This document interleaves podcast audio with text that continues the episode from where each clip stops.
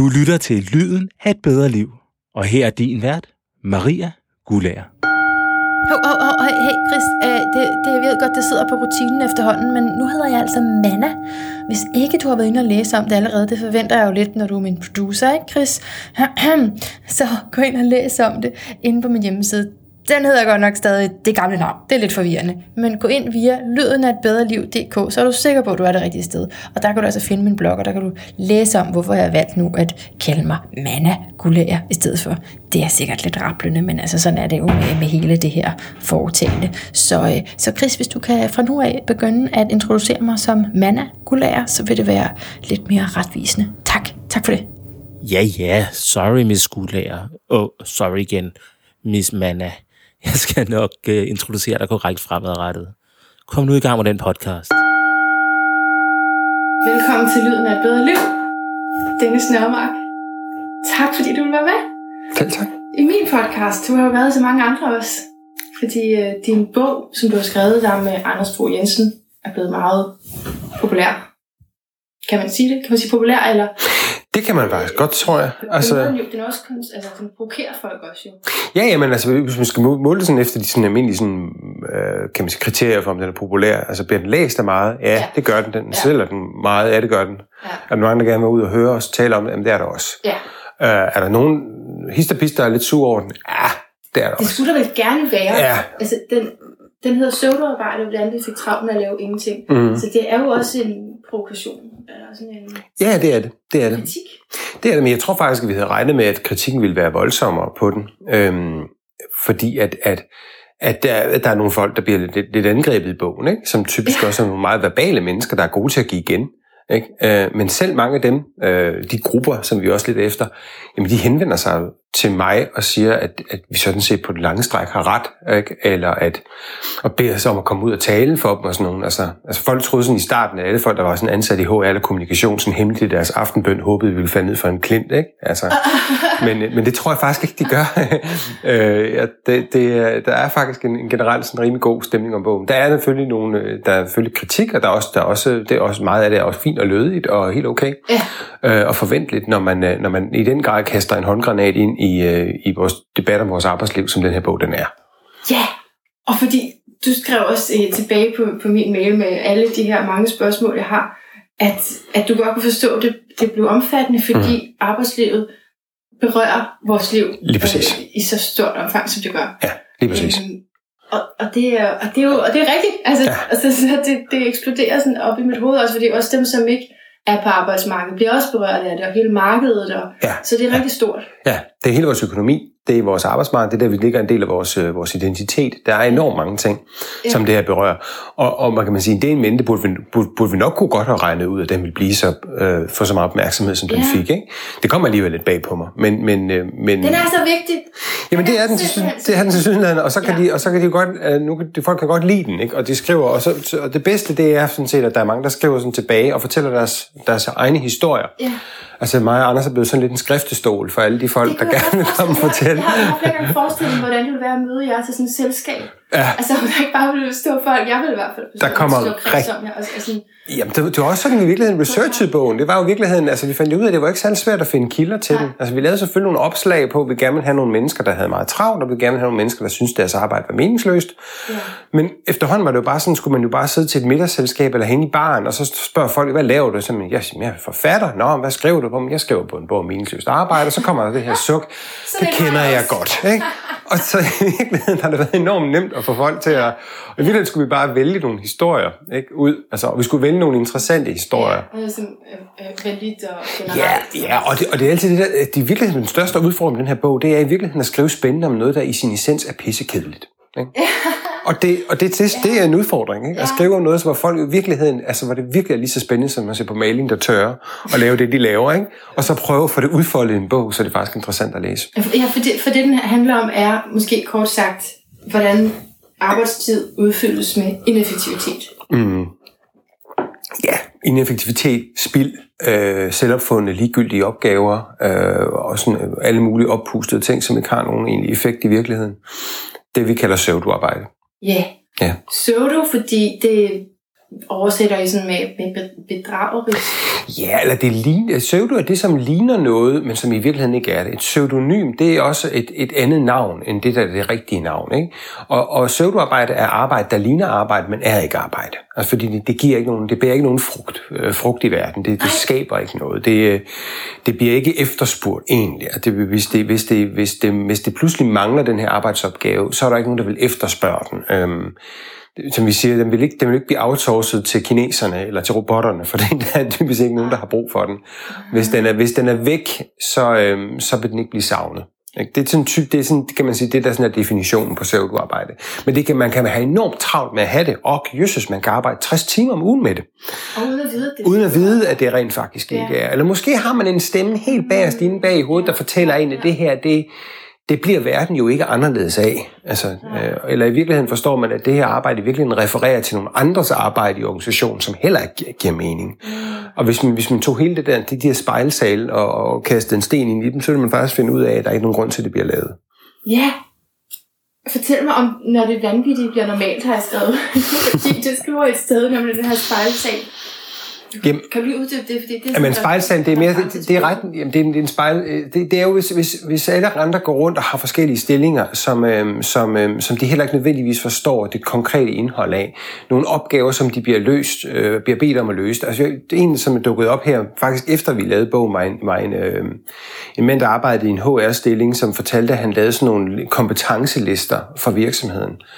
Og, og han sad og lavede det, og fordi der var så mange mennesker ansat i virksomheden, så kom der jo en, to, tre, fire til, der sad og arbejdede med de her kompetencelister, fordi nogle andre et eller andet sted i systemet, jeg synes, at det var en god idé at have det, fordi de blev målt på, om, om der skulle være sådan nogle kompetencelister. Så, så i virkeligheden, så der, deres stillinger blev i virkeligheden spejlet op imod nogle andre, som synes at det var vigtigt at have.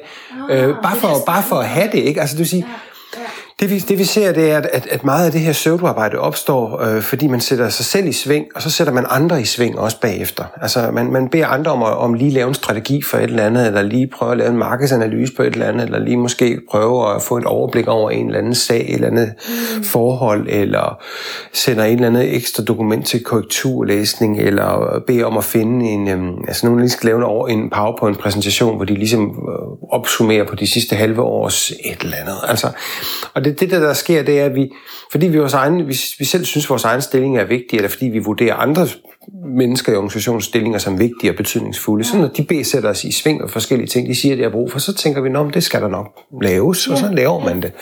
Øh, og det er det, vi mener med, at der er nogle af de her ting, som, som hviler på nogle præmisser og nogle idéer om, hvad der er vigtigt. Eksempelvis en kommunikationsafdeling, der kan fortælle folk, at kommunikation er helt vildt, vildt vigtig, og der er en masse stakeholders derude, der har brug for at vide noget omkring os, og man kan hele tiden opfinde nogle nye grupper, der ikke ved nok om os, eller vi ikke kommer bredt nok ud, eller man kan hele tiden opfinde øhm, nogle, nogle eventuelle risici, der kunne opstå, eller krisesituationer, som vi, så, som vi så forbereder os på ved at skrive forskellige papirer, der på en eller anden måde. Og, og hele det der kan man jo implodere ved at sige, men, men mine kære venner, der, de risici opstår jo aldrig nogensinde. De der stakeholders er ikke interesseret i, de afmelder jeres nyhedsbrev i et væk, de gider ikke høre fra jer.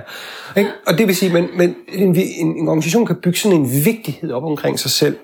Ja. Øh, men hvis der er nogen, nogen der pludselig siger, men der er ikke nogen, der gider høre på os, Altså, der er ikke nogen, der synes, det er interessant nok. Det her, de her tusindvis af hjemmesider, vi laver, bliver aldrig nogensinde læst af nogen andet end os selv. Altså, hvis man, hvis man kan punktere den der kan man, øh, selvopfattelse der, så har man så kastet en håndgranat i den der spejlsal, ikke?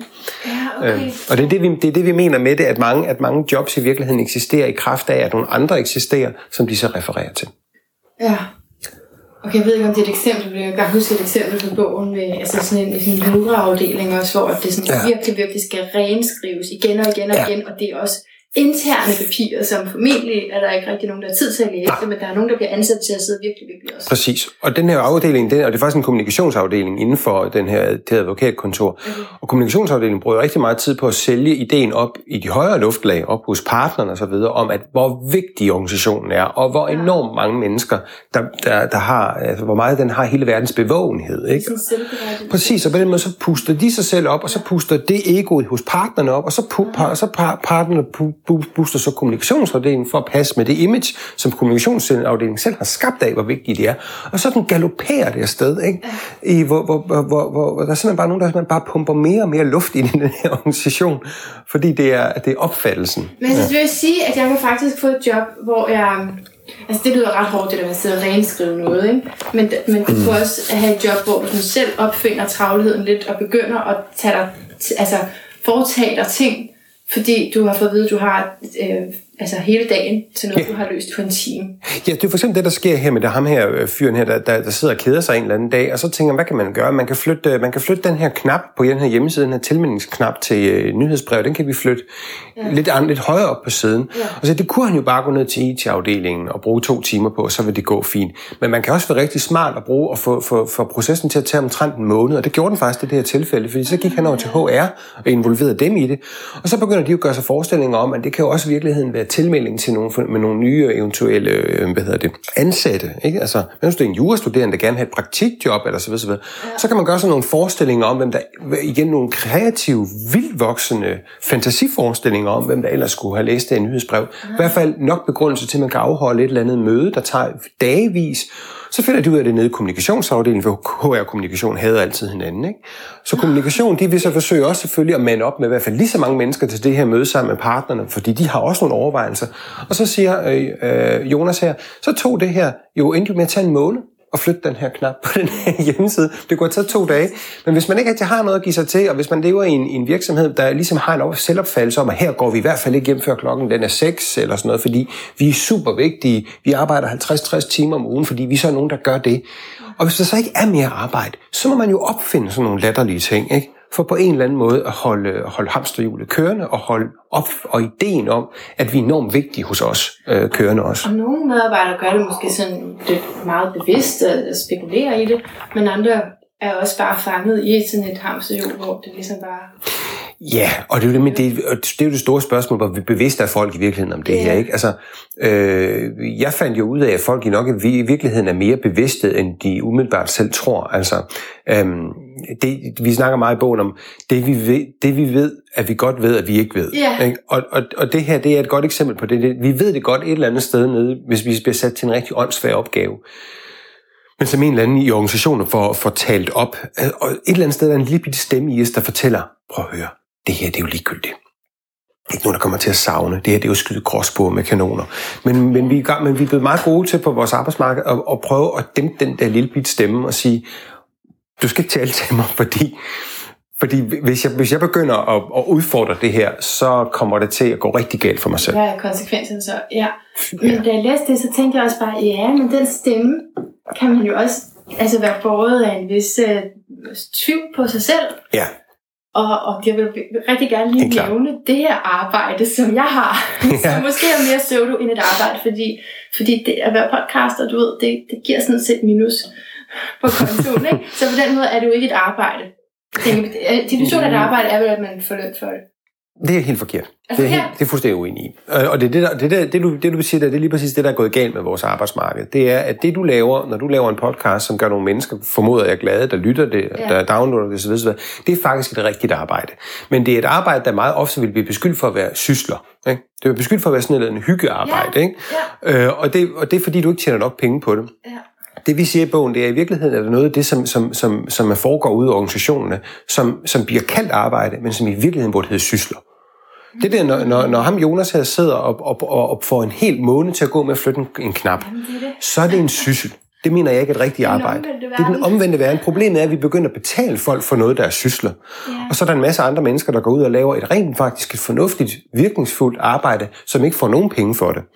Øh, og, det og det er i virkeligheden absurd. Øh, I virkeligheden er der, er, bør vi udvide arbejdsbegrebet lidt at sige, men altså, at der er rigtig meget arbejde, som man ikke får løn for, som i virkeligheden er rigtig arbejde, og rigtig meget arbejde, man får løn for, som ikke har noget som helst med arbejde at gøre. Ah. Så det, vi, skal, vi, skal, vi skal i virkeligheden rive tæppet væk under hele vores beskrivelse af arbejde. Ikke? Altså, jeg, prøver, jeg, jeg bruger, så bruger jeg den der beskrivelse fra min, øh, altså min, min bedstemor. Ikke? Hun var jo øh, hun var hjemmegående. Hvis du spørger min mor, hvem der arbejdede mest, om det var min bedstemor eller min bedstefar, så vil hun ikke tøve et sekund med at sige, at det var min bedstemor. Det er der mange, der kan sætte sig. Helt klart, ikke? Men, men det blev aldrig anerkendt. Ja. Og det, jeg var hjemmegående, det var det anerkendt. Hun fik ikke nogen penge for det, og det blev tit beskrevet som sysler. Ikke? Min bedstefar var direktør, men så meget lavede han skulle heller ikke, vel? Han slappede af, og han var ude med kunder, og nej, det, det, det var sgu meget stille og fredeligt, ikke? Men det var det, der var det rigtige arbejde, ikke? Ja. Og, og sådan Det har det jo været i, det. år- i, i århundreder har vi jo ikke betalt kvinder for deres arbejde, Så fordi vi ikke det regnede. også om, om status. Ja, det handler meget om status, ja. Ja, okay.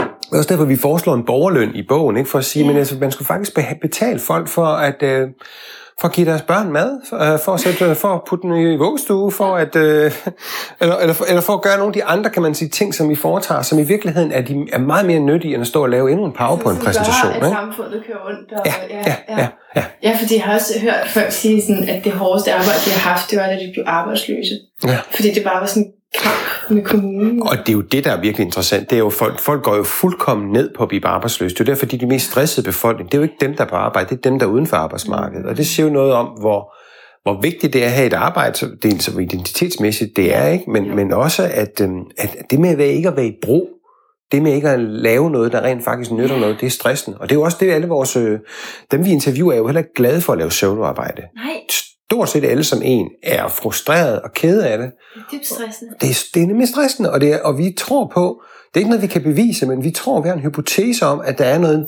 vi, vi kan kalde meningsløshedsstress. Ja. Det har man faktisk undersøgt. Det er der også noget, der hedder. Men, men vi har en, en, i hvert fald en hypotese om, at noget af den stress, du ser i Danmark, i virkeligheden kommer fra det. Ja. Ikke kommer fra folk, der har travlt, men folk, der har, jo, måske nok har travlt, men har travlt med at lave ingenting. Ved du hvad, når jeg sådan vil gerne vil have et eller andet, ikke? Virkelig vil gerne vil have det, så hvis jeg sådan spoler tilbage og sådan virkelig tænker, hvad er det, hvad er det, hvad er det, hvad er det, du egentlig, egentlig, egentlig vil have. Mm. Og så kommer jeg altid tilbage til, at jeg bare gerne have lov til at bidrage med det, jeg er god Ja. til. ikke? Ja. Så det her det der, det, er der bidrag, man gerne vil bruge sig selv, og man ikke skal sidde og lave et eller andet, som der er ikke nogen, der ser. Eller som, Det, der motiveres for at arbejde. Der laver man en masse undersøgelser, viser igen, igen vi kan, man kan plastre det til med undersøgelser, der viser, at folk går ikke på arbejde for at tjene penge, eller for at blive promoveret. De går, så, de går på arbejde, fordi de synes, at det skal give mening. De skal føle, at de udretter noget. De skal føle, at de er i brug. De skal føle, at der er mening med det, de laver og sådan noget. Det er, jo, det er jo altid de primære motivationsfaktorer for arbejde. I hvert fald i den vestlige verden. Det er lidt anderledes i tredje verdens lande, fordi der mangler de penge, så det er indlysende nok mere højere på prioriteringslisten. Ikke? Men, men, øh, men, men ja, det er derfor, vi går på arbejde. men, og du undersøger også, øh, du taler med Bettina Post. Nej, det gør jeg ikke. Jeg taler, jeg taler med Maja Berlau, som kom efter Bettina Post. Tror jeg nok. Jeg ved ikke lige, hvem der, der var nogen imellem os. Ja. Øhm, det ja. næste Bettina Post. Ja, nej, mm. øh, så, så du er også inde i det der socialrådgiver Mm. arbejde. ja, vi bliver næsten nødt til at tage det op, ikke? fordi det er jo et... Der er jo rigtig mange for den fløj, der oplever, at deres arbejde har en pseudo-karakter. Ikke? Ja, Øhm, og det er jo en anden type arbejde. I virkeligheden så er der jo lidt forskellige typer af arbejde, vi kalder pseudo-arbejde. mm. Jeg skulle prøve at definere det lidt, fordi man kan sige, der er det, der, der, er det man kan kalde tomt arbejde. Og tomt arbejde, det er folk, der sidder og er på Facebook, eller køber havemøbler, eller et eller andet sted for at være på arbejde, fordi der i virkeligheden ikke er nok arbejde at putte fylde ind i tiden. ja. Og man kan ikke engang opfinde arbejde. Der er simpelthen ikke, der er ikke noget at lave. Øh, og det er en meget stor gruppe mennesker, og det ved man, fordi man, når man eksempelvis undersøger, hvor mange mennesker, der netop køber havemøbler mellem klokken 8 og 16 på mandag, så finder man ud af, at det er altså det er rigtig mange. Det er de arbejde. Det er faktisk, det er faktisk der, der er allermest gang i internettet, både med porno og, og indkøb af havemøbler og alt muligt. Så man, folk, kan ikke, man kan ikke tænke det bare, fordi lige skal have en pause. nej, Eller det, kan- det holder simpelthen ikke. Altså, der er ingen tvivl om, at, at, at der er rigtig mange mennesker, der ser kattevideoer og laver alle mulige andre ting i arbejdstiden. Det ved man. Øh, det, det evident. Det kan man også se fra alle mulige andre studier. Så der er rigtig mange mennesker, der, en, der keder sig bragt på deres arbejdsplads. Ja. Øh, det, det er det, vi kan kalde tomt arbejde. Øhm, og det er jo igen også i vores øjne, så skulle de jo bare være gået hjem. Altså hvis de er færdige med arbejdsopgaven, bør de gå hjem. Ikke? Så det er tomt arbejde. Så er der, kan man sige, det man kan kalde bullshit måske. Ikke? Altså det vil sige, det er det er arbejdsopgaver, som igen som ligner arbejdsopgaver, som er opfundne, mm. øh, som noget af det, jeg nævnte tidligere, altså hvor man puster et eller andet op til at sige, det er enormt betydningsfuldt, som ikke er det. Altså folk, der, der, der, der leder nogle folk, der overhovedet ikke behøver at blive ledet. Ja, det kommer op fra et sted. det kommer typisk op fra et sted. Øh, og så er der det, det, til den tredje gruppe, som lige præcis er sådan nogle som socialrådgiveren, hvor man kan sige, der er faktisk et rigtigt arbejde et sted ude i horisonten, men de kan aldrig rigtig komme hen til det, fordi de skal dokumentere og skrive ned og, og være sikre på, at de får det her bearbejdet og nå den her svarfrist og alle de der ting der. Altså socialrådgiverne op, oplever jeg omkring 80 procent, er lidt mere end 80 procent af deres tid går med administration og byråkrati, ikke? Ja. Og det gælder nok virkelig flere socialarbejdere. Det gælder læger, det gælder sygeplejersker, det gælder alle mulige, fordi vi har været så dumme at indføre det der New Public Management-fænomen mm. i, i vores, vores øh, offentlige sektor, som gør, at, at folk bruger ubegribeligt store mængder tid på de her ting. Ja. Og det er jo også pseudoarbejde, fordi det føles jo ikke som en vigtig aktivitet. Det føles som om, at man i virkeligheden vandrygter sin rigtige opgave, man vandrygter sin faglighed, og man svigter i virkeligheden de mennesker, man skal hjælpe. der er en ild i mig lige. Ja, men det. Men fordi jeg er socialrådgiver og, og har ikke vildt meget erfaring med arbejdsmarkedet, det kunne jeg ikke rigtig finde ud af, men, men jeg har alligevel siddet i nogle situationer og været i praktik og så videre. Ja. Øhm, og kender mange, som, som øh, har kunne holde fast i et arbejde, ikke? og som også taler om det her. Hvor, at, men, men det er jo netop ikke, fordi de ikke arbejder. Der er jo masser at lave hele tiden. Der er jo masser af sager. Lige præcis. Lige præcis. Men, men det er bare det der med, hvor, åh, hvis man bare kunne få lov at gøre med Ja. borgeren, som man ville. Eller, Ja, også? ja, der er så man- mange punkter, der skal Ja. udfyldes. Og, Ja. Altså, det er jo. Det er jo det, som Albert Berlov beskriver i bogen. Der er jo, der er jo et rigtigt ægte socialrådgiverjob derude et sted, og det handler om at hjælpe folk og finde ud af, hvad deres drømme og ambitioner er, og rådgive dem bedst muligt ikke? Ja. i forhold til, hvilke muligheder de har. Ikke? Men når man så skal, når man så skal, skal stå, sidde endnu en gang og med en, en, en person, og, og indkalde dem til et møde, som man havde for 14 dage siden, og der er ikke sket noget på de 14 dage, men fordi reglerne siger, at man skal indkalde folk til et møde, så står man begge to og føler sig som en idiot. Ikke? Ja. Fordi altså, altså, klienten føler sig som en idiot, som spilder sin tid, og du føler dig som en idiot, der spilder din tid. Ikke? Du skal jo også lige have forberedt dig på mødet. Der er faktisk meget arbejdstid, der går med det. Det gør der helt sikkert. Og så skal man lige restituere bagefter. Ja, ja, det skal man. Det tager lidt tid, ikke? Og så står man der, og så skal man prøve, og så skal man prøve på bedste øh, hvad hedder det, vis at få det til at virke som om, at det her møde har sin, en, en, en, en eksistensberettigelse, hvilket det ikke har. Ikke? Øhm, De her systemer og alt det der, man skal meddele til, Ja. hvad det er, man har Ja. lavet, hvorfor man har gjort Det er fordi, der sidder nogle ledere oppe i toppen af systemet, som har bestemt sig for, at øh, som siger, jamen altså den eneste måde, vi ved for, om, om socialrådgiveropgaven bliver udført rigtigt på, det er, øh, nu indfører vi et eller andet mål, der hedder, at de skal mødes med klienten med det og det interval. Ikke? Ja. Det vil sige, det kan vi gå ned og kvantificere, det kan vi skrive ned, det kan vi tjekke, at det er blevet udført. Ja. Og det, det, det, det, der er sket både i den offentlige sektor og i den private sektor og også til dels, det er, at vi har fået et ledelseslag og et administrationslag, som er, har mindre og mindre forstand på, hvad kerneopgaven er ude der, hvor den bliver udført. De ved det ikke. De har, ingen, de, har ikke nogen, de har ikke nogen dyb faglighed. De forstår ikke, hvad, det, hvad kvalitet vil sige for den enkelte socialrådgiver, eller læge, eller sygeplejerske. Og det vil så, så indføre de nogle kvalitetskrav, som er kvantificerbare kvalitetskrav. Øh, og den, Og det er en, en, en generel ting, der går igennem bogen, det der med, at vi mangler tillid. Ja, vi mangler præcis tillid. Ja, det, det, vi mangler tillid, og derfor så, fordi vi ikke regner med, at folk bare kan finde ud af at løse opgaven selv, så tænker vi, at nu skal vi prøve at bedømme på kvaliteten. Og så bliver kvaliteten noget med svartider, eller fejl, fejlmarken i et eller andet, eller hvor meget dokumentation, eller mødeaktivitet, eller et eller andet andet, der kan komme ind i et Excel-ark. Så der er nogen, der, der kan sige, Prøv at se her, vi har fået en fremgang på det og det parameter. Se, der er færre mennesker, der går og falder på Rigshospitalet. Der er flere, der bliver kaldt ind til møder. Frekvensen af møder, der bliver aflyst, er, er lavere. Og så tænker man ud i driften, jamen, hvad fanden i helvede betyder det? Ja. Det er jo ligegyldige ting. Det har intet at gøre med, om jeg udfører et rigtig godt og fornuftigt stykke arbejde. Ikke for. Ikke, ikke, for, ikke for klienten, ikke for socialrådgiveren, ikke for sygeplejersken, men for dem, der sidder i ledelsessystemet, som bliver målt på, at de kan nå de her forskellige tal. Der betyder det alverden. Og det er det tragiske ved, vor, ved moderne ledelse, særligt i den offentlige sektor. Det er derfor, der er kommet en ledelseskommission, der skal undersøge det her, for vi ved, det er noget bras. Vi ved, at der er en krise derude. Kom? Men den kom her, den blev selvfølgelig igen, som, som, som gør, øh, ignoreret stort set hele vejen rundt. Men den kom her for cirka en måned siden med nogle anbefalinger til, hvordan man kunne få bedre ledelse i det offentlige. Fordi der er en, en, en, ledelseskrise i det offentlige, vi får dårligere ledere i det offentlige. Mm. Det ved vi. Altså, det, er jo, det er jo blandt andet nogle af de ting, de undersøger også. Ikke? Der er flere inkompetente ledere, i leder, rigtig mange inkompetente ledere i det offentlige. Men det her er ikke kun et offentligt problem, det findes også i det private. Ja, ja. Og det er vigtigt at Og, understrege. og det gør jo også, ikke? Også fordi Ja. I kommer sådan måske fra med hver jeres politiske holdninger, så, så siger I alligevel, at man kan ikke bare bruge den der med, "Nå, hvis det bare var på det private arbejdsmarked. Det, det, er fordi, vi måske bare ved så meget sammen.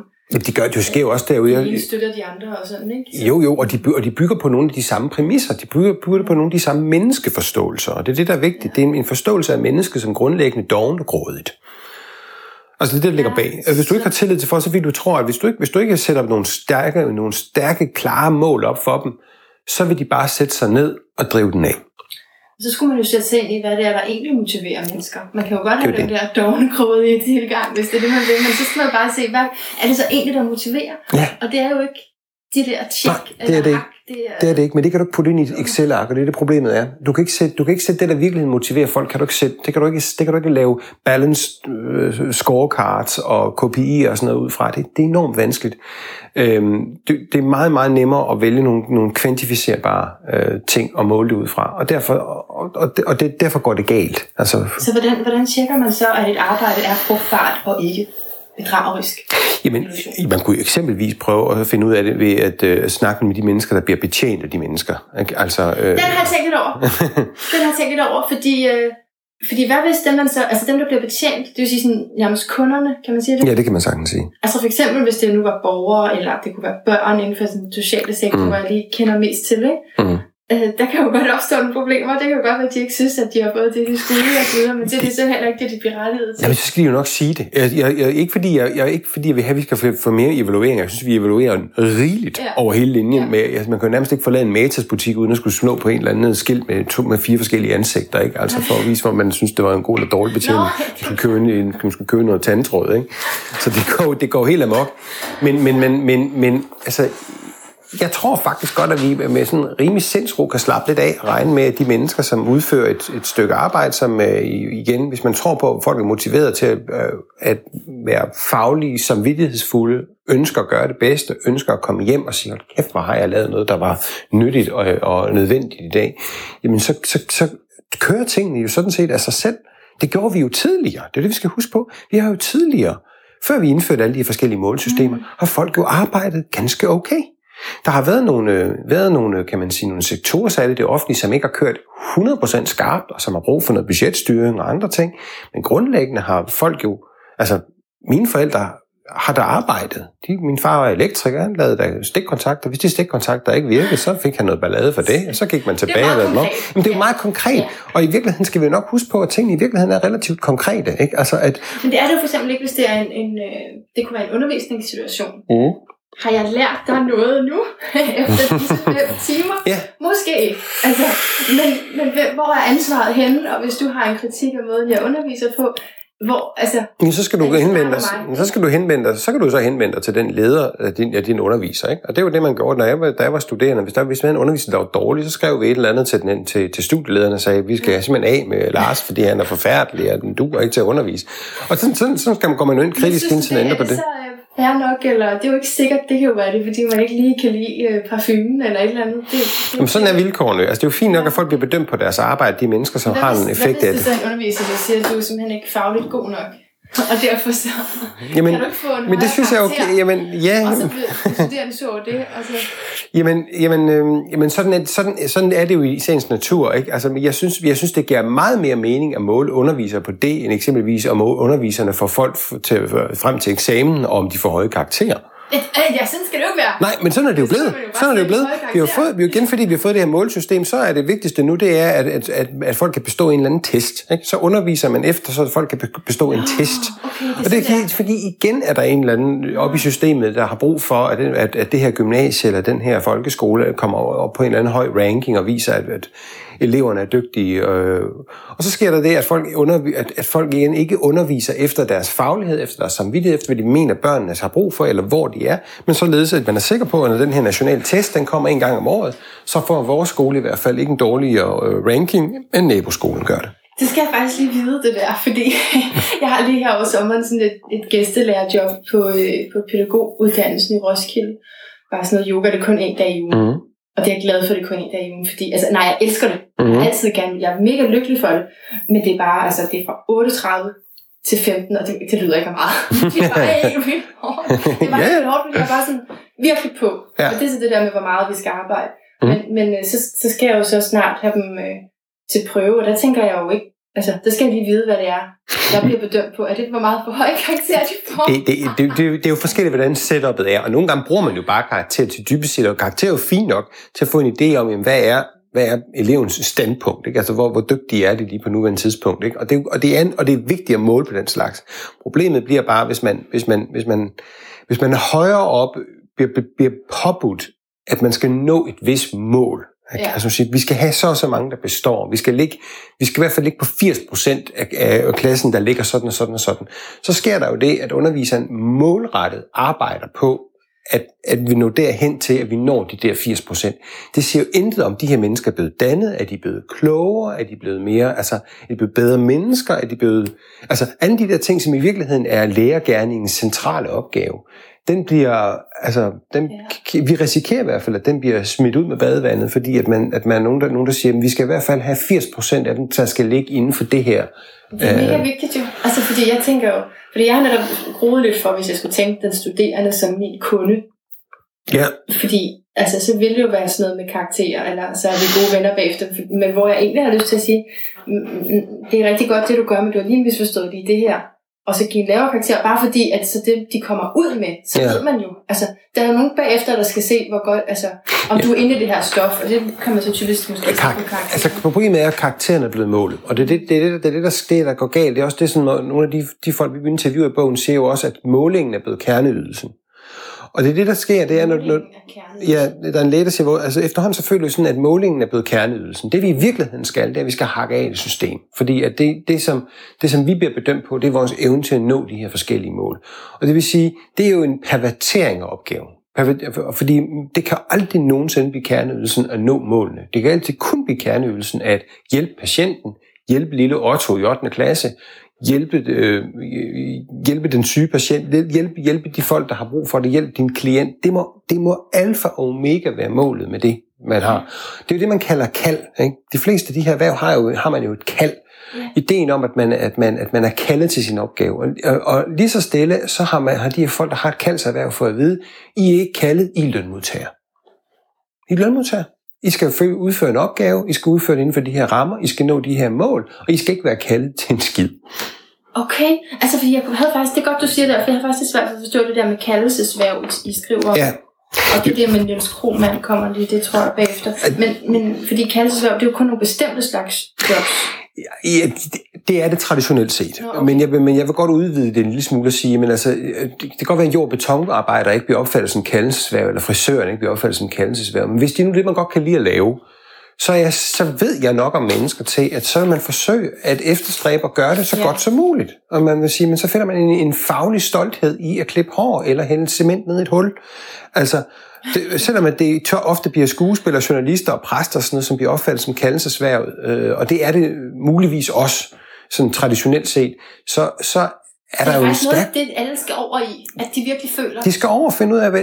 det her det er jo ikke en, an, det er ikke en anti-arbejde-bog. Der findes masser af bøger, der behandler det her med bullshit-arbejde, eller ja. altså, som, som sådan anti-arbejde-bøger. Det er vores bog ikke. Både mig og Anders er sådan generelle, både antropologiske og filosofiske grundantagelse af mennesker, det er, at mennesker kan godt lide at arbejde. Ja. Mennesker kan godt lide at bearbejde sin verden. Mennesker kan godt lide at være i sving og være i brug på den ene eller den anden måde. Og være i stofskift. Og være i stofskift med virkeligheden. Det er vi helt, helt sikre på, at de godt, de godt kan. Og de gør, fordi mennesket er, et, er, et, er et, en virksom art, ikke? Der, der laver ting. Øh, og, og, og derfor er vi overbevist om, at, der er, at, der, at alle de her mennesker har brug for at lave et, rigtig, et reelt stykke arbejde. Det er derfor søvdearbejde er sådan en ulykkelig situation at ende i, ja. fordi, man, fordi man, man godt ved et eller andet sted, at det man ikke får bearbejdet noget som helst. Man får ikke flyttet noget som helst. Man får ikke lavet noget som helst om ved at stå og lave den her PowerPoint-præsentation, PowerPoint-præsentation som bliver glemt et øjeblik efter, eller de her dokumenter, som og rapporteringer, man skriver, der heller aldrig nogensinde bliver læst af nogen. Altså, det, det er ikke, det er simpelthen ikke tilfredsstillende. Man kan jo så måske finde mening i det, fordi man selv, hvis man selv fik noget ud af det. Eller, men det er det med, jeg godt kan lide, så er det lige meget. Det er bare sjældent, at folk synes det ikke. Altså, så er der selvfølgelig også nogen, der siger, at altså, jeg realiserer mit liv ved siden af mit arbejde. Ja, og det er jo også... Jeg har, jeg har også mødt sådan nogle, det har faktisk været socialrådgiver også, øh, sådan nogle ældre nogen, hvor jeg sådan virkelig har prøvet at spørge ind, hvad er det, du drømmer om, hvorfor gør du det? Så altså, det har været sådan, det, det er virkelig fedt, du har den der entusiasme, mm. Maria. Men prøv at høre altså, når jeg er fri, det er der, jeg lever livet. Det her, det er bare... Og så har jeg det godt. Ja. Og det er også fair. Det, det skal man også have lov til. Jeg er, faktisk, jeg er faktisk meget stor tilhænger af, at folk skal have lov til bare at opfatte deres arbejde som noget, som de bruger for at tjene deres penge. Okay. Og and that's it. Okay. Det synes jeg er helt fint. Det er helt fint. Øhm, og, og, og, og, og det er jo, altså, fordi vi kan, jo ikke, vi kan jo ikke tvinge folk til at have en, en arbejdsidentitet. Altså, jeg synes, jeg synes, det er, jeg synes, det er mærkværdigt, når virksomheder påstår, at folk skal være passionerede omkring deres arbejde. Det skal de da ikke blande sig i. Altså hvis folk er upassionerede omkring det, det arbejde, de laver, Nej, så længe de laver det, deres er arbejde, så er det det fint er nok. faktisk virkelig rigtigt. Også når man læser jobopslag, ikke? Ja. Du skal være passioneret omkring det arbejde med, Ja, det med at lave jeg. bobleplast. Vi forventer, at du er passioneret, og vi søger en, en brændende Ja.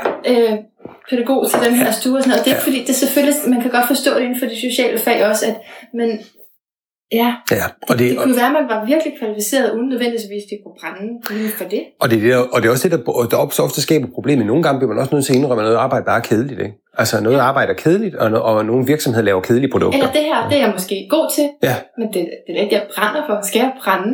Ja. Ja. Så skal jeg brænde så meget, at jeg vil sidde efter arbejde også og, og tage samtlige møder. Men Præcis. det, det, jo Og- det, der ligger i brænde. Det er det. Det er, og, så brænder, og så brænder man ud, fordi at, Ja. hvis, hvis det er spændende og interessant, det man laver, Ja. så er det fedt nok. Vi fleste af os kan jo godt arbejde 60-70 timer om ugen med noget, Ja. vi synes, der er enormt spændende. Så er det vores liv. Så er det vores liv, men Ja. problemet er, hvis de her, de her virksomheder eller organisationer siger, at du skal brænde for det, og man kommer ind og finder ud af, at det, jeg skal brænde for, det er fuldstændig hul i hovedet, så brænder man ud, fordi Ja. at så bliver man, ikke, bliver man ikke bekræftet i, at, at det arbejde, man ligger blod, sved og tårer i, rent faktisk flytter noget. Det er det, som øh, Jonas der, som jeg nævner flere gange, fordi han er sådan Ja. en fantastisk case. Ja. Han går jo ned, han går psykisk ned, han bliver indlagt på den lukkede afdeling. Ja. Og det gør han jo, fordi han arbejder 60-70 timer med noget, hvor han tænker, noget af det er meningsfuldt. Absolut, noget af det er meningsfuldt. Men en stor del af det der, der gør, at jeg ikke kan gå hjem til min, min, min kone og mine børn efter 37 timer, det er fordi, jeg skal lægge en pakke af nonsens på. Ja. Fordi, at, fordi at vi er så nogen, der brænder for det. Vi er så nogen, der er passionerede omkring det. Vi er så nogen, der arbejder rigtig, rigtig Okay, meget. så det var det der med at fake attituden også. Det er det til dels, ikke? Og så er det også det med, med hvor mange timer. Tilbage det, med- det er klart, fordi det hvis du kan godt arbejde mange timer, men hvis du arbejder noget timer, noget der er fake, eller noget der er pseudo, eller der er noget, som bare som at stikke tungen ud af vinduet, jamen så, så er det bare ikke tilfredsstillende. Og så bliver, man, så bliver man slidt, og så bliver man træt af det, og så bliver man nødt til at forlade sig. Derfor så bliver man også nødt til at sige, det er helt okay ikke at være passioneret omkring dit arbejde. Det er fuldstændig i orden. Altså, det, det, det, du skal lave dit arbejde, og noget, det, fordi det, pseudoarbejde handler ikke om kedeligt arbejde. Vi kan jo alle sammen komme til at lave kedeligt arbejde. Jeg skal, Ja. lave, jeg skal lave revision i det, for jeg er jo selvstændig. Jeg skal jo i gang med at prøve at finde ud af, hvad jeg bare har haft af bilag i løbet af den her, den her måned. Det er da verdens mest kedelige arbejdsopgave, men det er da ikke pseudoarbejde, fordi det skal da laves. Der er ikke nogen, der er ikke nogen vej udenom. Jamen, sådan er underlagt det regime, og det er fint nok, det kan jeg godt leve med, det brokker jeg mig ikke over. Det, det, det, det, det, er fint nok, at der er nogle arbejdsopgaver, der, der er kedelige. Ikke? Det, man skal bare man skal lade være med at bilde folk ind, det er, at de, de kedelige arbejdsopgaver, de er spændende, og du er passioneret omkring dem. Altså, fordi det, sådan er det jo ikke. Det er jo enormt. Rigtigt, så skal man til at fake den del Så skal du også, så skal du også til at være falsk på den måde der, ikke? Ja. Og man kan jo overbevise sig selv om meget, jeg er god til at Ja. ja. bare bilde mig noget ind. Mm. Øh, og, altså, så kan man sådan tænke, ja, det er den her kultur, og, og se, nu er der kommet den her fra kommunen, sådan en farverig hjemmeside, hvor forandring. Øh, Ja, er det ikke dejligt? Slogan. Og det, så, ja, det kan jeg godt blive helt begejstret for i starten. Det kan man godt, og det kan man, men man kan også, man kan også være, man har også lyst til en gang, man sige, nå okay, så er de så ændret logoet igen for Ja. topledelsen, fordi de ikke har andet at lave, og nu skal vi så implementere det hele vejen ned igennem systemet. Og så kunne man jo godt have lyst til at råbe bullshit efter det. Det, det er i hvert fald, men jeg tror, det er nemmest at komme igennem. Det er sådan en personlig coping-mekanisme, hvis du går all in på det. Mm. Ellers er det meget svært at være i den der modstand. Så er det nemmere at åbne det fuldstændig. At gøre deres stil til, til min indre. Ja. Yeah. Øh, Det er jo rigtigt, men ja, vi, vi bilder os jo bare ind, at vi tror, at virksomheder og organisationer skyder sig selv i foden Ja. ved at kræve, at folk hele tiden skal være så positive omkring Ja. alle mulige ting. Fordi i virkeligheden er der brug for, at folk de er lidt mere negative og siger, prøv nu at høre det lidt mere skeptisk, ikke? Lidt mere tænker skeptisk. selv. Ja, ja. Og det er vi ikke ret meget plads til, fordi hvis du først begynder at være den i, i, virksomheden, der har de korslagte arme og siger, hvorfor skal vi nu have gjort det her? Hvorfor skal vi nu have ændret de her logo, de her farver? Ja, hvad sker der så? Så kommer der en eller anden og siger, når du er nok bange for forandringer. Ja, Øh, Og det er jo det værste, man kan være i dag, fordi så kommer der i hvert fald en konsulent og banker en oven i hovedet om, at man er simpelthen bare en ren neandertaler, og, det, og man bliver snart fyret, hvis man ikke snart forstår, at der er forandringer. det er jo det, fordi jeg tænker, ikke? en ting er, at man så får et vis ry på afdelingen, eller hvor man er, men, men så, så det næste er jo så, nu skal vi til at spare. Så er det bare, og så dem der, dem, der er imod forandringer, de ryger ud som de allerførste, og dem, der, der er begejstrede og skriger og råber, hver gang der kommer et eller andet nyt ligegyldigt tiltag, jamen, de bliver så, de bliver jo så fremhævet. Ikke? Ja, og det, og, det er jo, og det er jo synd, for i virkeligheden, så, så, så, så, så mister virksomheden en meget vigtig kilde til at forstå sig selv, og til at være selvkritiske, når de, når de tager alle de der korslagte arme, og så, og så, og så, og så straffer dem, ikke? Altså vi siger, man burde lave de korslagte armes pris i virksomheden. Så den sure medarbejder, der siger, det har vi prøvet før. Ja. Og siger, gudskelov, fordi... os om det. Ja, hvordan gik det? Ja, og, men det gik ikke. Vi glemte det. Vi kom aldrig nogensinde til det der. Og da den der chef, han skred efter fire år, så glemte vi den der proces, vi var i gang med. Fordi i virkeligheden var han den eneste, der ejede den og var interesseret i den. Ikke? Altså, det er vigtigt, at der er sådan nogle historier, bliver fortalt. Ikke? Øh, ja. så, vi ikke, så, vi ikke, så vi ikke går i sådan en fuldstændig selvsuggestion og hype i, i virksomheden eller i organisationen og tror på, at, at øh, altså, så, vi, så, vi, så vi glemmer den der erfaring om, at, at, at vi begår de samme fejl igen og igen og igen, fordi vi bliver optaget af et eller andet ligegyldigt, så, i stedet for det der kerneopgave i det, vi skal lave. Ja, så, så det er for erfaring frem, og så tror jeg også bare, at det sker, altså selvom man så har en forholdsvis positiv kultur på stedet, så tror jeg, at så døren lukket, ikke? Altså, til, eller lederen ikke lige er der eller sådan noget. Ja. Så kommer det ud. Jamen, så gør det, Hold det kæft, gør det irriterende. Og så er det, at man lige kan bruge noget tid på, på nogle andre ting på nettet også, fordi helt ærligt, jeg, altså, jeg, hvorfor skal jeg være her? Ikke? Også, det er sådan, Jo. måske ikke noget, man tænker sådan reelt, men det måske ligger bagved, at man gør sådan nogle ting. Det gør det, så stempler man ud selv. Ja. Ikke? Så laver man sit eget lille, lille oprør imod det. Ikke? Ja. For man kan ikke sige det. Øhm, og, og vi ønsker virkelig at, at bryde med et tabu her. Ikke? Altså, vi vil jo gerne have, at folk, folk kan sige til deres, prøv at høre, kære alle sammen, er det her ikke en pseudo-opgave? Er det her ikke en pseudo-aktivitet? Flytter det her i virkeligheden noget? Kommer det nogensinde til at blive læst? Er der nogen, der vil tage notits til det her? Interesserer kunderne sig for det her? Altså virkelig tage nej-hatten på en gang imellem, og så, og så, og så prøve at... Øhm, og så prøve at spille den der djævnens advokat, ikke? Men Dennis Nørmark, Ja. Men, men man er jo så den, der er næste, der ryger jo. Ikke? Det er jo det, der vi, Jo. Det, vi har også noget, om, øh, som vi skal spørge til i forhold til med angst. Altså, Ja. ja. om vi arbejder af angst. Øh, og omvendt kunne man også, eller med- angst kunne man jo også sige, at man er måske bange for ikke at... Altså, når man er på arbejde, så er jeg bange for at sige, hvordan det egentlig Ja, foregår. det er man. Og det er også derfor, det her, vi, det her, det er jo en, vi håber jo, at rigtig mange ledere vil tage det her til sig. Ikke? Fordi i virkeligheden, man kommer ikke til at skabe en sikker en arbejdsplads, der kan, der, kan, der kan call the bluff, hvis man ikke har en ledelse, der anerkender, at bl- bluff er en omstændighed. Mm. At pseudoarbejde er en omstændighed. At, øh, at folk opfinder op arbejdsopgaver. Ikke? Altså, man, at man, bliver nødt til, man bliver nødt til at huske, at organisationen er dummere, end den tror, den er. Øh, og, og fordi at mennesker er, som de er. Øh, og og, og hvis, du, hvis du har en ledelse, der hele tiden fortæller, her er vi simpelthen så kloge, her er vi så dygtige, vi er så kompromilløse, vi ansætter de bedste i hele verden, og vi sætter ja. barn så højt, så vil den medarbejder, der sidder nede bag gulvet, sige, gud da ej. Ja. Han vil aldrig nogensinde få en chance for at få sagt det, fordi at hele, hele ledelsen er, er, i, er i halleluja-mode. Ikke? Og, Ja, og, fordi de har inderligt gjort det. det er inderligt gjort det, og de tror, at det er nødvendigt for, at virksomheden overhovedet kan eksistere, at den har det her selvoppustede billede på sig selv. Øhm, og og så, så, så, så bliver man jo ikke i stand til at sige, sige jamen, behøver vi at gøre det her? Er det virkelig ikke åndssvagt, at vi laver det her? Fordi historien om virksomheden er jo, her laver vi ikke åndssvage ting. Her er vi effektive, her er vi dygtige. Det siger, du er godt klar over, at der sidder nogen, som faktisk har lige nu, som det er lige nu, mundkurv på. De kan ikke sige noget, fordi så ryger deres job. Eller er du ude i at tænke, måske det gør det, dit job ryger, du skal ud og lave noget andet, så prøv Uh, at det er jo svært. Altså, det, er, det, er, det er enormt nemt for mig at sidde på min, min trygge, selvstændige stilling, hvor jeg kun skal referere til mig selv og sige det. Fordi jeg, det er også derfor, vi bliver nødt til at have nogle ledere, der går ind og taler om det her også. Ikke? Fordi at det der med bare at sige til medarbejdere, du skal bare råbe bullshit efter det. Ja, det, det er også en lille smule uansvarligt. Ikke? Fordi, øhm, øh, Det er og, farligt. Ja, det er det. Og det er nok altså det er den kritik, der har været rettet en lille smule bog, bogen, som jeg egentlig godt vil medgive. Måske er vi, måske, måske er vi lidt for naive i forhold til, hvor meget individet kan gøre. Ikke? Øhm, øh, men, Men I har jo ret, fordi I siger jo, hvis vi alle sammen... Altså, Jamen det er jo det, det er jo derfor, jeg tror lidt på, altså revolutioner eller kollektive ændringer kommer jo ofte nedefra, ved at, ved, ved at, men ikke altid, altså ved at folk på, på tidspunkt siger, nok er nok. Det kommer alle sider fra. Nej, det skal komme, det skal komme både fra toppen og fra bunden, ikke? Altså det, og det er jo det, det, men altså jeg har jo, det bedste, jeg oplever ved den her bog nu, det, det er jo, når folk de kommer til mig og siger, men, øh, som, der, øh, som det sker jævnligt, at de siger, nu kan vi faktisk godt tale om, vi begynder at tale om pseudomøder på vores arbejdsplads. Ej, var det godt. Vi begynder at tale om, at det her kunne være pseudoarbejde, ikke? Men er det, ikke vores, også, vores, er det ikke et begreb, vi har opfundet, eller hvad? Eller Jo. Er det noget, I har oversat for engelsk? Nej, vi, vi, vi tænkte meget over, hvad vi skulle kalde det, øh, fordi altså, der er en, der er en, en britisk, eller en amerikansk antropolog, der hedder David Graeber, som har skrevet, han skrev en bog, der kom lige her for nylig, der hedder Bullshit Jobs. Ja. Og det, bullshit jobs, som var, den han skrev han allerede, han skrev, han, han definerede allerede begrebet for fem år siden, ikke? Og den er, og den er i høj grad en inspirationskilde til vores bog. Vi ved, det er der. Ja, så Vi det, har så- vi, kan det, vi synes bare, altså bullshit jobs er jo for det første det er også en lidt en meget negativ beskrivelse af noget arbejde. Ikke? Også igen, vi synes, at, at der var mange der var mange mennesker, som sad i bullshit jobs uforvarende var kommet, blevet placeret i bullshit jobs. Igen, socialrådgiver eller andre, som Ja. oplever, at, at, at, at bullshit fylder meget i deres arbejde. Ja. Så vi synes egentlig ikke rigtigt, det var et, det var et passende udtryk. Øhm, så, vi, så, så vi synes, pseudoarbejde passer Det er bedre. rigtig godt, fordi så kan det jo også være en del af det. Det er jo ikke sikkert, det er arbejde. Altså mit, hele mit arbejde er måske ikke pseudo. Det er nemlig en det. del af, nu, lige nu laver jeg noget. Det er det, og det er også derfor, det, det hedder ikke pseudo-jobs, det hedder pseudo-arbejde. Ja.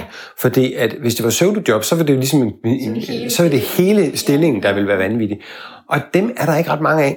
Øh, godt. dem tror jeg, der er flere i udlandet. Øh, jeg tror, der er betydeligt flere bullshit-jobs i, øh, i, i lande rundt omkring, os, end der i virkeligheden er i Danmark. Det tjener man ikke lige så meget, sikkert. Hvad siger du? Det tjener man ikke lige så meget. Nej, det er rigtigt. Men det, jeg tror også, det har noget at gøre med, at der er større organisationer Oh, uden for Danmark. Og jo større organisation er, jo, jo, flere kan folk, jo mere kan folk gå og gemme sig i stillinger, som ikke giver nogen mening. Ja. Øh, fordi at, at, at ingen har styr på, hvad hinanden laver, fordi organisationen er blevet så stor. Ikke? En af mine første tanker var jo godt, hvordan, hvordan får jeg fat i en job?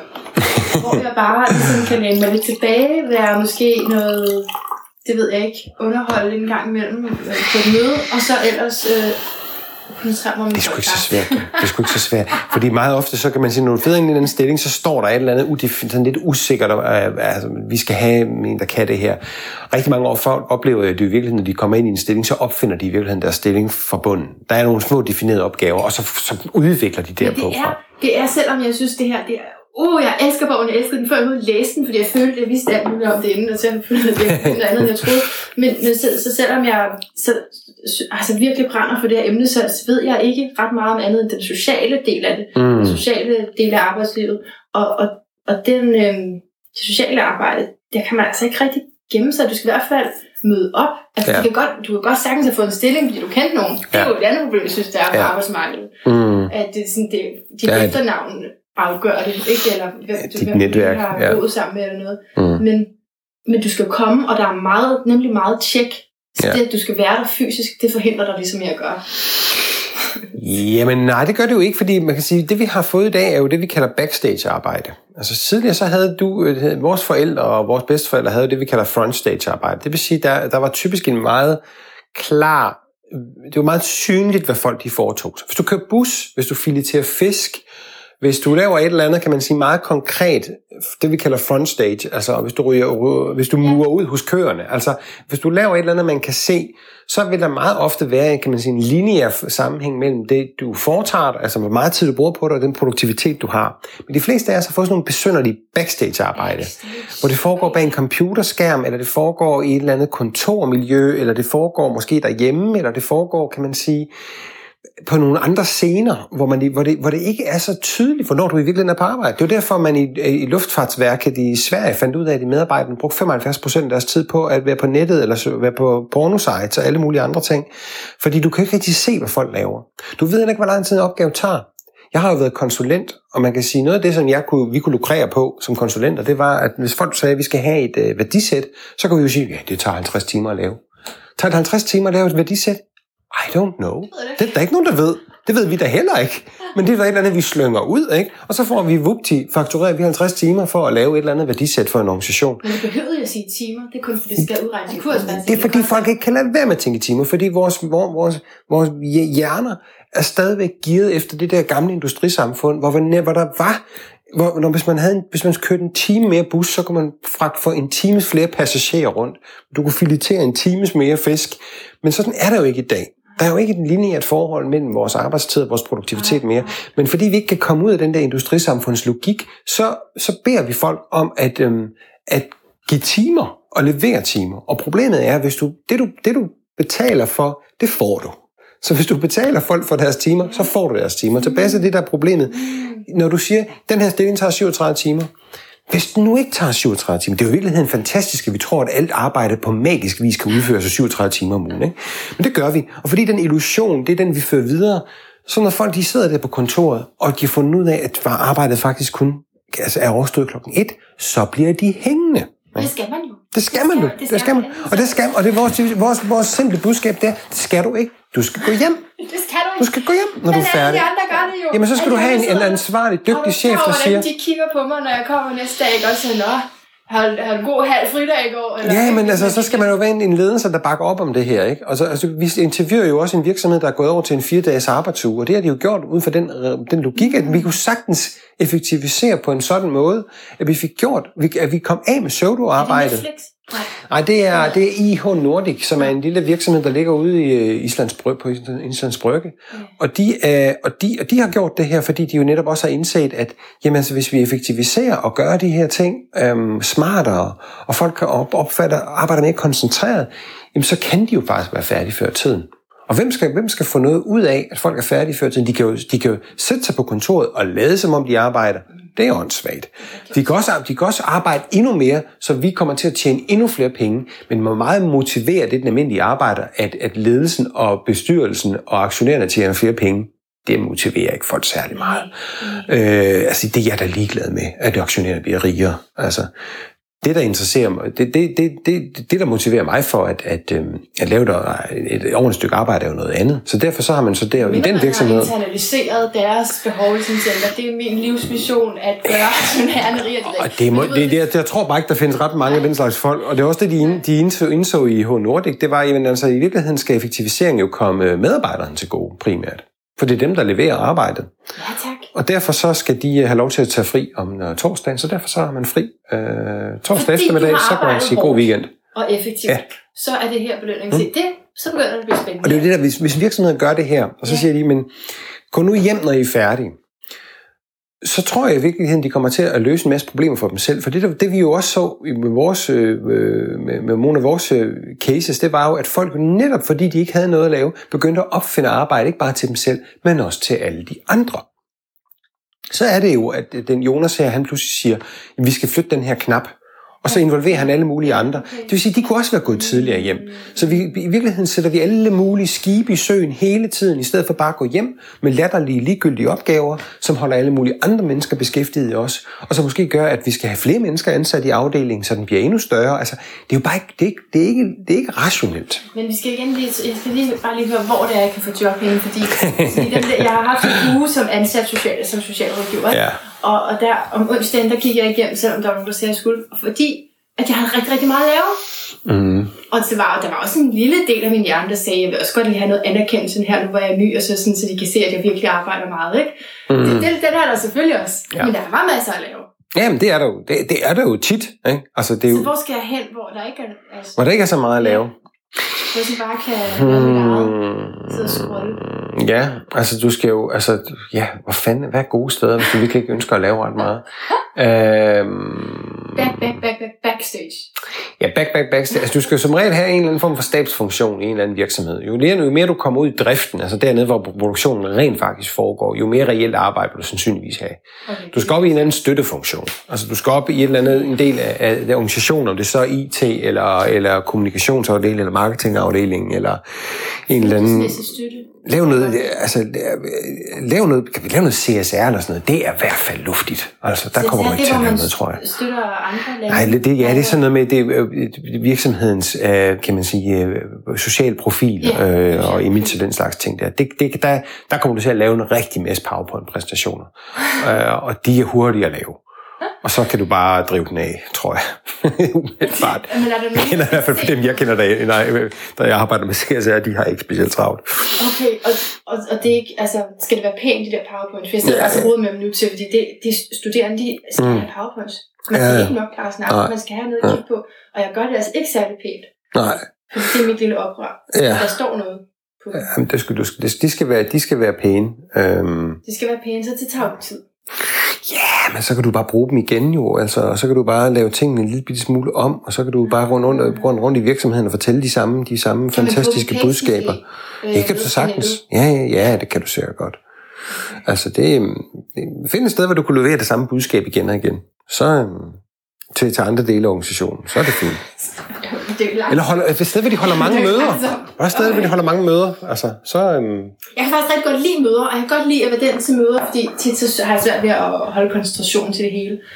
Øh, Så kan jeg godt lide at være den, der siger, hvem der har, har taleretten. mm-hmm. Mød, altså sådan, hvad, hvad hedder sådan noget, ordstyr? Ordstyr? ja, Det er rigtig sjovt. ja. Det er også den eneste måde, man kan holde ud af at have et møde på, det er, hvis man selv er ordstyr. Ja. Ellers så keder man sig. Det er Ja, virkelig fedt. ja. Det er bedste sted for bordenden. Nej, men jeg har jo virkelig sådan tænkt efter, ikke? og det håber jeg også, man gør, når man læser bogen og hører dig tale her. Og Hvor kunne det lige være henne for mig? Ikke? Og jeg sidder mm. i en skolebestyrelse, men jeg synes, jeg synes jo sådan set, at, men jeg, altså, jeg fik prøvet at tænke, jeg vide, om der er noget, der kunne... Det er der jo nok et sted, som kunne spares væk. Øh, altså, altså man kan i hvert fald sagtens få kort møder, ikke? Altså, øhm, det er jo også noget, for eksempel, de synes, gjorde. vi har meget, meget at tale om. Ja, men det er fordi, det er fordi du udfylder tiden. Altså, det er jo det, er det der hedder Parkinsons lov. Ja, Ja. Parkinsons lov. Parkinsons lov siger jo, tilsiger jo, at arbejdet tager den tid, øh, altså stræk, kan strække således, at det, det tager den tid, der, der, der er afsat til det. Ikke? Så det betyder, at hvis du har en møde, der tager to timer, så tager det mirakuløst to timer noget igennem dagsordenen. Hvis du havde tre timer til at tage noget dagsorden, så tager det tre timer. Og det er ikke bare noget, man, det er ikke bare noget, man går og sådan kan joke omkring. Det har man undersøgt, og det, det er rigtigt. Altså arbejdet strækkes således, at det, øh, og, og så tiltager det kompleksitet, og det tiltager betydning, alt efter hvor meget tid man skal til at gå med det. Okay, men så kunne man jo finde på et alternativ til de der fysiske møder, fordi det kræver ret meget at finde en dag, hvor alle kan og sådan noget. Mm. Så kan man sige, kan vi bare øh, skrive om det, eller ringe, eller skype? Men vil du ikke sige, der går jo også noget tabt? Altså det er bare, for når man hører det, kunne man godt tænke, "Nå, men hvad kan vi gøre, som er mere effektivt? Men der går noget tabt, fordi nogle gange er det også den der netop vekselvirken med hinanden. Jamen, det er også det, det, det, man skal prøve at gøre- op med sig selv, det er, hvorfor det er, man holder de møder, man holder. Fordi vi har også sagt, vi skriver også i bogen, at der er nogle møder, som, som igen illuderer at være arbejdsmøder, eller illuderer at være en, et sted, hvor vi skal tage, som er vigtige møder, men som er det, som vi, som vi kalder for klassens time. Ikke? De fleste af os har jo haft klassens time, Hvem ikke? har kage med? Præcis, og det er, sådan, og det er sådan, hvor man i virkeligheden bare lidt, lidt, lidt, lidt klør hinanden på ryggen, ikke? Og, Ja. ja. Altså lidt som sådan nogle aber i en rundkreds, der prøver lige at finde ud af, hvordan er situationen i gruppen, ikke? Altså mere sådan, hvor det i virkeligheden handler mere om sådan noget socialt og så videre, så videre. Og så kunne man jo i stedet for at kalde det møde, bare kalde det klassens team. Og så dem, der er lidt ligeglade med det, de kan få lov til at blive væk, ikke? Ja.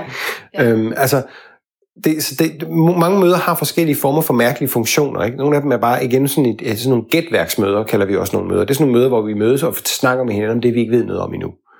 Og det er jo åndssvagt at holde et møde, der handler om det, vi ikke ved noget om endnu. Men der får holde masser af møder, der handler, hvor vi fortæller ja. om, hvad vi ikke ved noget om Ja, endnu. det er rigtigt. Ja. Vi ved, der er typisk noget omkring den kommende fusion, den ved vi ikke noget om endnu. Ja, nej. Nej, så mødes vi lige igen og snakker om, vi ikke rigtig Ja. ved noget om det. Har, led, har ledelsen givet noget, fortalt noget om det? Nej, det har jeg ikke rigtig fortalt noget om det endnu. Nej, men altså, så er der en grund til at mødes med.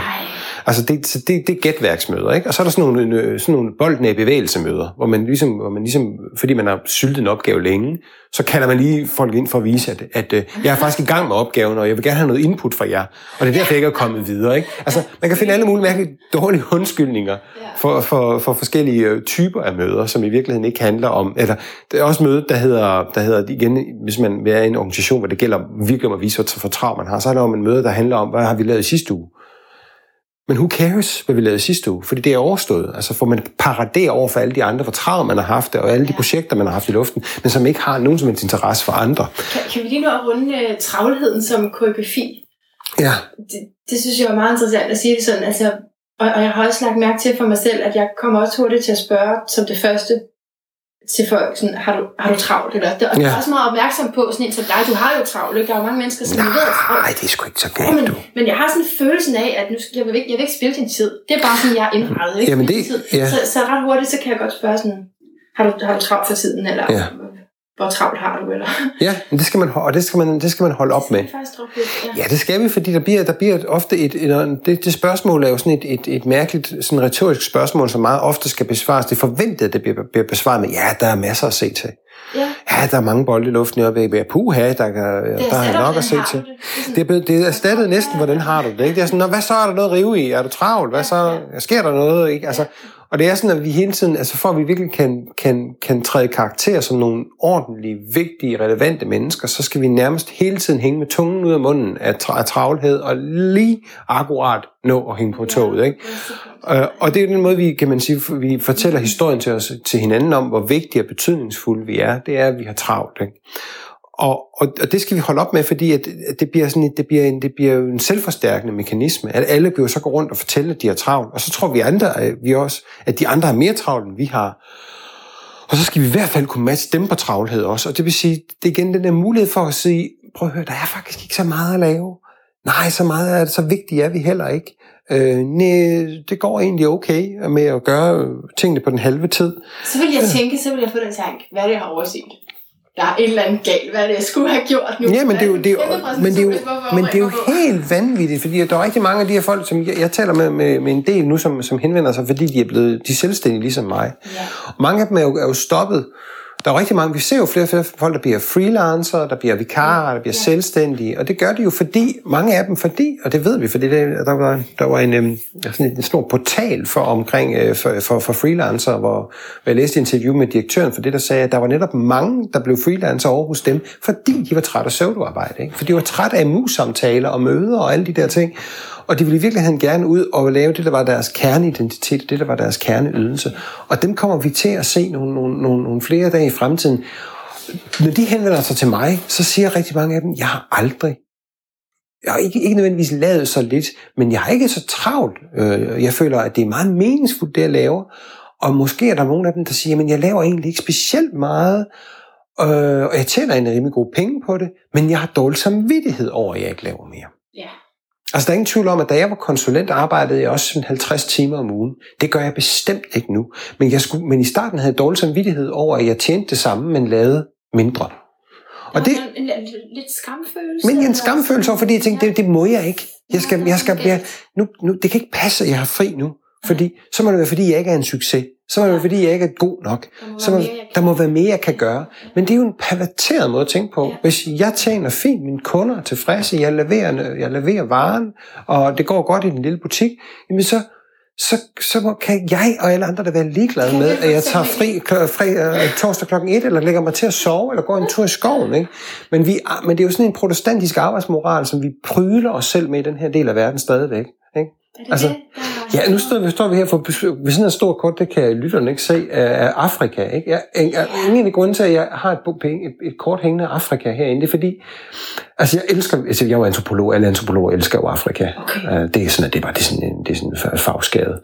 Okay. Øh, men jeg er kommet rigtig meget i Zimbabwe. Øh, og nogle af de ting, jeg, jeg, jeg gør, øh, jeg, jeg føler tit, at jeg kan virkelig trække stikket i Afrika, det er fordi, der er folk skamløse med, hvor lidt de laver. Ja, Man kan, de er bare rundt på gaderne. de, ikke bare, de driver bare rundt. bare. Eller står og filer negle, mens de skulle passe på butikken. De, mens vi, vi kan jo se ud... Hvis der ikke er nogen i butikken, så skal vi nok finde ud af at lave et eller andet, der får os til at se travle ud. Men i Afrika, der sidder man der bare og snakker med hinanden, eller filer negle, eller tager en kop kaffe, eller... Altså, det, vil, altså, det er vel heller ikke eksemplarisk på den måde. Men det er da lige meget. Det er da fint. Det er da netop det er da skønt, at man, at man kan sige, nu laver jeg ikke noget, og jeg skammer mig ikke over, at jeg ikke laver er noget. Og det gør der, altså, du, du, Ja. du, der, du, der er jo ikke ret mange, der dør af hjerteanfald i, i, hvad hedder det, i Afrika i forhold til Vesten. Det er der ikke. Altså, der, Jeg er- tror, du har, altså, jeg tror det der med, at vi, men der er så også mange, der så internaliserer det, som nu er. Jeg læste et sted, at uh, Bente Boserup var en institution. Altså, at man kunne kalde hende en institution i sig selv. Og det er bare meget sjovt. Det der. Men det er jo rigtigt ikke, at der er nogle mennesker, som er blevet kendt for noget, og så altså, har de, altså, fylder de så meget den hele institution. På samme måde kan jeg også sådan, altså, man kan godt få det fornemmelse i sit eget liv. Ikke? Jeg har haft et yogastudie på et tidspunkt, så lige pludselig så var det jo bare, det var mig, hele det der mm. sted, stedet var mig. Mm. Øh, og, men det er også stressende. Ja, det, det, det, det bliver det jo. Ikke? Altså, øh, men, men, men jeg synes ikke, der er noget vejen med, at man- at man skal identificere, altså man bliver... Man får mere arbejde gjort. Ja, fald. det, det tror jeg også, man gør. Ikke? Ja. Det tror jeg også, man gør. Ikke? For så ved man i hvert fald, hvad den her institution skal levere. Ikke? ja hvis man Øhm, selv er den. Hvis man selv er den. Ikke? Altså, jeg vil ikke have noget imod at være en institution. Det passer mig fint. Ja. Øh, men jeg vil også gerne, jeg vil, jeg, jeg, jeg vil også gerne kunne vise, hvis jeg ikke, hvis jeg ikke, øh, hvis jeg ikke altså laver noget, og det, er, ikke- og det er okay ikke at lave noget. Nu kan jeg nu, det, er, det er sådan set det sidste, jeg skal, inden jeg går på sommerferie. Jeg har en lang sommerferie. Ej, hvor er jeg glad for jeg nåede det. Jamen, det gjorde du lige præcis. Det, det er det sidste, så, går jeg, så øh, laver jeg ikke noget i øh, jul, og jeg, jo, der er nogle foredrag, hister og sådan noget på nogle højskoler og sådan noget, men, eller, og så august er der sådan set heller ikke sådan specielt meget at rive i. Øh, og så med det samme, jeg siger det, Flasher det glad gerne. Jamen, for Uh, med det samme, jeg siger det, så tænker folk, nå, er du ikke en succes? Åh, oh, det, går, det går faktisk godt, men jeg, men jeg behøver ikke at lave mere end det. Og, det, og, det, og, det, og jeg, har ikke, jeg skammer mig ikke over ikke at lave mere end det. Øhm, fordi jeg synes, at det er, det er usundt at tro, at, at, at altså, jeg har fire børn, det skal jeg love dig for, det tager altså også en stykke. Ja, jeg har fire af dem. Det tager noget tid, ikke? Og, det, og familien tager noget tid, og det er en, det, det er en vigtigere prioritet for mig end arbejde. Hvad er din stresspolitik så, hvis du er en institution? Jeg har med mig ikke nogen stresspolitik. Jeg kommer aldrig nogensinde til at have en stresspolitik. Jeg kommer ikke til at have en politik om noget som helst. Øh, men det er jo også meget nemt sagt, for det er inde i mit hoved. Men selv hvis jeg var, hvis jeg havde brug for ansatte, så kan jeg love dig for, at jeg ikke opfinde nogen som helst politik Ej. for noget som helst. Okay. Øhm, det er simpelthen Det tager, øh, det tager, det jo, også af hende. Altså, det tager jo ledelsesansvaret væk for de folk, på de steder, hvor man implementerer sådan noget. Altså, øh, tag dig nu sammen, tag nu ansvar for det, i stedet for at kigge ned i en eller anden procedure. Ja, okay. Ja. Det er jo også noget, vi kan opfinde, ikke? for at øh, forholde os beskæftiget. Jeg kan at jeg kunne fortsætte, men altså, lad der komme på ferie snart. Ja, okay. Øh, fordi det er simpelthen så en fantastisk bog, og det ene er, som jeg har sagt flere gange, og jeg synes, jeg er vild med emnet, fordi det berører alle dele af vores liv og vores væren. Mm. Og så er den bare virkelig godt skrevet. Tak skal du Der have. er nogle virkelig fede ord. Og Ja. jeg, jeg glemte quizzen. Nå, det når vi ikke. Jeg, jeg, var, jeg, har ved, at- jeg har været ved at lave flere forskellige quizzes, og den ene, det var, at jeg ville sådan skrive alle de ord, som jeg bare elskede. Ja. Men øhm, vil du høre det bedste ord? Ja. Enslydende. Ej, det er helt plat, men det er bare længe siden, jeg læste ord. Enslydende. Og det kunne bare sådan, ja, jeg følte, jeg kan ikke Står det i bogen? Det står i bogen. Nå, gud. Ja. Det kan være, det ikke er mig, der har skrevet det. Det kan være, det er min medforfatter. Det være. Ja. Men det var jeg bare rigtig godt lide, at altså, det synes jeg er, er kendetegnende for arbejdsmarkedet, at det, det skal være meget det samme. Mhm. De søger det samme, de der Mhm. jobopslag. Mm. Og sådan nogle kreative, skøre mennesker. Det man, de, bliver som regel selvstændige. Det gør de, det gør de, når de får nok af det, ikke? Altså, og jeg tror, og hele det der imitationsred, kapløb er også det, vi forsøger at prøve, at- og det er også en af, kan man sige, problemerne, ikke? Altså, at vi bliver så ens, at, Ja. at alle skal have det samme. Og det, bliver, det spreder sig som en steppebrand. Jeg var lige ved at skrive på LinkedIn i går, men jeg gjorde det ikke, for jeg bliver simpelthen upopulær, når jeg gør det. Altså, og skrive sådan noget med, fordi nu jeg så der nogen, der, der havde brug for fanden, det, executive presence. Det, det dukkede op og fandt ud af, at det var flere, der havde skrevet, og jeg havde lyst til bare sådan at skrive, undskyld mig, jeg prøver at tænke, jeg kan ikke forstå, hvad betyder det? Og jeg er helt sikker på, at halvdelen af jer, der bruger det der, i aner heller ikke, hvad det er, det betyder, eller hvad det kan tænkes. Men nu er det det, man siger. Og så går der lige en, øh, et halvt år, og så bliver det der executive presence erstattet af noget andet, som halvdelen heller ikke ved, hvad er. Altså man har lavet sådan en undersøgelse på et tidspunkt med ordet strategisk, som er gud bliver puttet ind foran alt muligt. Kun 9 ud af 10 aner ikke, hvornår man skal bruge ordet strategisk om tingene, men de putter det glad og gerne foran strategisk ledelse, strategisk kommunikation, strategisk det ene eller andet tredje, for det er det, man går og siger, for det siger alle de andre også. Og det er sådan noget, det, der skal punkteres. Man simpelthen tager en stor, fed knappenål og så siger, hvad i alverden mener du med det der? Mener du ikke noget med det, så hold op med at sige det. Jeg, jeg tilføjer dig lige på LinkedIn. Jeg gør det endelig. Og øh, så vil jeg bare gerne høre, din lyd af et bedre liv, det er sådan lidt fluffy spørgsmål, som man tør ikke lige, som man gerne vil. Bare der måske på et tidspunkt kommer en lydeffekt. Men så skal jeg gå ud på terrassen, fordi, fordi det er jo, altså derude, herude kan man høre på. Ja, det kan man. Det kan man godt, fordi herude der er, der er en masse børn. Og der er fuglefløjt, fordi jeg bor lige op ad en, øh, en børne, en børne- en institution. Og selvom det også nærmest kan være lidt forstyrrende, så er det altså, så er det sgu en lyd af et bedre liv. Det er det, det, man, skal, man skal prioritere, i stedet for meget af det. Ved du hvad? Det har Ole Grün, Grünbaum i et interview til mig også sagt, at, øh, han kunne rigtig godt lide at bo lige ved siden af en skole. Mm. Ja, det, Selvom der er det, mange, der synes, det er irriterende med larmen. Altså, det, det, det, det, nogle gange så går de sådan lidt amok derovre, ikke? Altså, for det er sådan en idrætsbørnehave. Uh, så det er meget sådan noget med, at det, det, det giver den rimelig meget gas. Så er det også den, din lyd det at være hjemme. Ja, Ja. ja det er det. Jeg har et kontor et andet sted, men jeg kan godt lide at være her. Jeg kan godt lide at sidde herude. Og det gør ikke noget, det larmer. Jeg synes, det er fedt. Det er godt. Tak for den. Og tak for samtalen. Det så lidt. Og tak til dig, der lytter med, og tak fordi du er her til outroen. Jeg har rigtig, rigtig travlt, kan du nok forstå, fordi jeg har simpelthen så meget, jeg gerne vil sige stadigvæk til det her emne. Jeg nåede slet ikke igennem med Dennis Nørmark. Der var, der var alt for meget på mine papirer. Og øh, heldigvis så har medforfatteren til bogen Søvdearbejde, Anders Fogh Jensen, sagt ja til at lave en, en toer, kan man sige, eller for ham, men det er jo, altså, det er jo første interview med ham. Men øh, så lige tale om bogen en gang til, fordi ja, der er så uendelig meget at tale om, når vi taler om arbejdsmarkedet. Jeg er komplet forudsætningsløs for at øh, tale om det i dybden, og det er derfor, jeg er så glad for, at de her to gør det.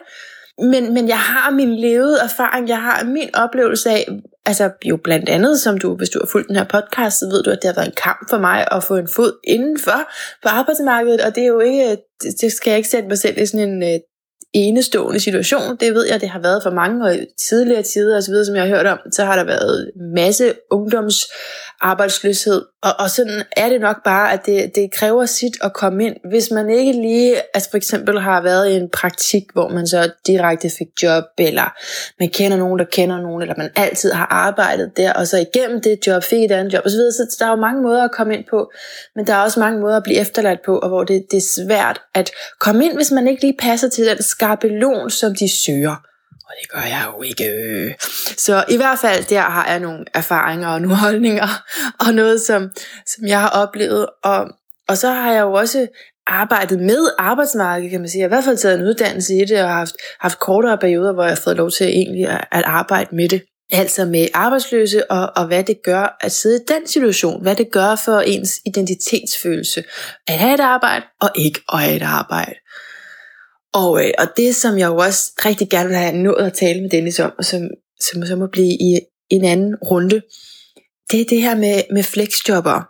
Fordi jeg har mødt så mange, og, og lige for tiden, så er der også en, der utrolig gerne vil, vil snakke med mig, altså sådan, måske har forvekslet mig med et, et seriøst medie, øh, fordi at hun bliver drevet rundt af, af kommunen, og, og det er svært, og, og de mennesker har jeg mødt rigtig mange af, hvor de siger, jamen jeg, jeg kan ikke arbejde mere hallo system, jeg kan ikke arbejde mere end, end altså maks 4 timer om dagen. Maks 4 timer om dagen, og så er jeg også færdig. Fuldstændig færdig. Og sådan, altså, den livssituation kan vi alle sammen komme i. Det er jo ikke, det er jo ikke løgn. Altså, der, det kan, der kan ske et eller andet fysisk, der kan ske et eller andet følelsesmæssigt, og så kan vi stå i den situation, at der, at der kroppen, psyken, kan ikke mere end et par timer om dagen det ville jo løse sig, hvis vi, gik, hvis vi tog deres anbefaling øh, for gode varer og faktisk gennemførte den her revolution. Fordi så vil der være meget mere arbejde at lave, og vi vil, jeg kan ikke forklare lige så godt, som de, de gør. I er nødt til at, at læse bogen, eller lytte til den øh, på lydbog. Det, det er en meget fin oplæsning der. Men der er i hvert fald den her idé med, at, at så har man mulighed for at komme ind og at byde ind og faktisk stadigvæk kunne leve af det.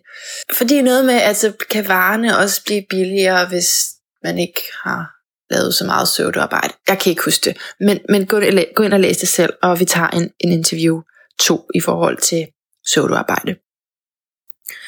Jeg synes, det er, det er så utroligt vigtigt et emne, fordi jeg, jeg selvfølgelig også har en harme i mig over, at, øh, at der er nogle mennesker, som rigtig, rigtig gerne vil arbejde, og som, som står og er bare klar til at kaste al deres energi og engagement og kærlighed ind i noget, og gøre det så godt, som de overhovedet kan. Og, og, og selvfølgelig også sikkert gå over deres egne grænser for at, at score lidt anerkendelse i starten, men altså simpelthen bare lægge sådan et stykke arbejde for dagen, og så sidder der folk derude i nogle stillinger, som bare ikke har nok at lave. Jamen, hvor er, der er slet ikke nogen retfærdighed til stede i det. Fordi de, de her brændende mennesker, som gerne vil ind på arbejdsmarkedet, de skal da have lov til så at gå ind og så lave noget for de penge, som de mennesker får, som der ikke laver noget. Det er sådan, det er bare det, er det niveau, jeg er på. og jeg vil sige til dig, selvom du er lige så forudsætningsløs for at forstå det her, som, som jeg er, så kan du få rigtig meget ud af bogen, ud af det her emne. Jeg håber, at, øh, at vi kommer til at høre rigtig, rigtig meget mere om det pseudoarbejder. jeg håber, folk vil begynde at hashtagge, og jeg håber virkelig, der vil ske et skred i vores arbejdsmarked, så tingene kan ændre sig, så folk kan få det liv, som de drømmer om. Arbejde er jo en kæmpe del af et bedre liv. Så hvis man har et skodarbejde, så, så er det altså op og bakke med al den selvudvikling, fordi ja, så er der i hvert fald noget, der ikke forandrer sig. Man kan selvfølgelig øh, ændre sit perspektiv på det, og man kan gøre rigtig, rigtig meget selv for at overleve i det, men altså det meningsløse arbejde, det, det er også øh, nogle, nogle rammer, øh, man kan justere på udefra. Simpelthen for at gøre, at du har mere indflydelse på dit arbejdsliv, og, øh, og, og kan lave det, som du er allerbedst til. Alright, jeg stopper bare her, for jeg har ikke, jeg har desværre ikke Dennis har magt med mig længere til at byde ind og sige noget klogt, når jeg ikke kan formulere sætninger lidt længere. Så, øh, så ja, jeg håber ikke, at det bliver, det bliver sidste møde med de her forfattere og, og heller ikke for jer. Jeg håber, at, at det bliver kæmpestort. Okay, det har jeg sagt mange gange nu. Jeg vil bare sige tak, fordi du lykkede med, og øh, indtil vi høres ved igen, gentænk alt, måske især dit pseudoarbejde.